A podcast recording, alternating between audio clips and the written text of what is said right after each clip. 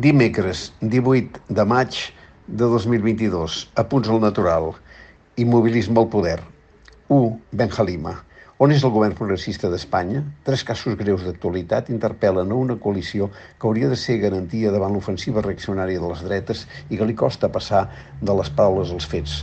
Tres exemples que posaré en ordre invers a l'atenció mediàtica rebuda. Ara s'ha sabut que el 24 de març, Mohamed Ben Halima, opositor al règim autoritari d'Algèria, condemnat a la pena de mort per un tribunal militar, refugiat a Espanya, va ser retornat al seu país per la policia en un avió que va sortir de València. No cap al·legar ignorància. El Ministeri de l'Interior va ser advertit per ACNUR, l'alt comissionat de les Nacions Unides pels Refugiats, i per Amnistia Internacional. Ni cas. És a dir, el govern espanyol ha entregat a un dissident a una dictadura volent ignorar el recorregut que li espera la cadena perpètua en el millor dels casos. No costa gaire imaginar que aquesta ignomínia és un dels preus a pagar per acontentar Algèria després de l'inclinació del president Sánchez davant del rei del Marroc. Sinistre mercadeig amb les persones. És possible que quedi així, que no passi res? Què diríem si ho fes el PP? No hi ha cap indici de que Parlàs que dimiteixi o sigui cessat, que és el mínim que hauria de passar en un cas eh, com aquest. Ni tan sols hi ha soroll entre els partits del govern. Dos emèrit anticipant la primera visita del rei emèrit a Espanya després de la seva fuga, s'ha fet un lleuger rentat de cara a la monarquia sota l'eufemisme un nou marco d'actuació.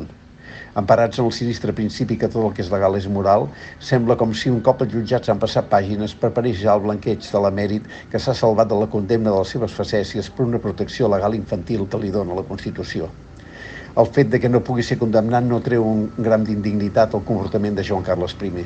De la mateixa manera que la seva utilitat en el moment de la transició no pot servir de contrapès per justificar la seva impunitat. Sembla que l'experiència no compta, malgrat el patètic espectacle que ha marcat de manera irreversible la corona. El govern de Pedro Sánchez, amb la complicitat de la dreta i de la pròpia Casa Real, s'ha negat a qualsevol reforma legal per acabar amb la inviolabilitat del rei, és a dir, amb aquesta singular condició d'irresponsable, de no ciutadà que li atorga la Constitució. Tot el que no es renova es degrada.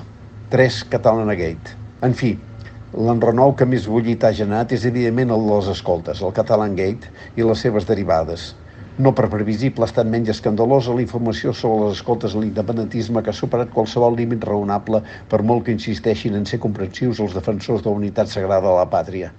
Però ha tingut derivades esperpèntiques com quan Sánchez s'ha volgut atorgar el paper de víctima o quan s'ha sabut que fins i tot les negociacions per l'alcaldia de Barcelona han estat objecte d'escoltes i seguiments.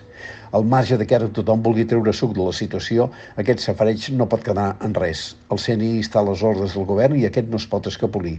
Ha de donar totes les explicacions necessàries i deduir-ne després les responsabilitats pertinents. No és excusa dir que aquestes coses passen arreu. És cert, no hi ha democràcies perfectes, però per això cal estar vigilants abans que es deteriorin del tot.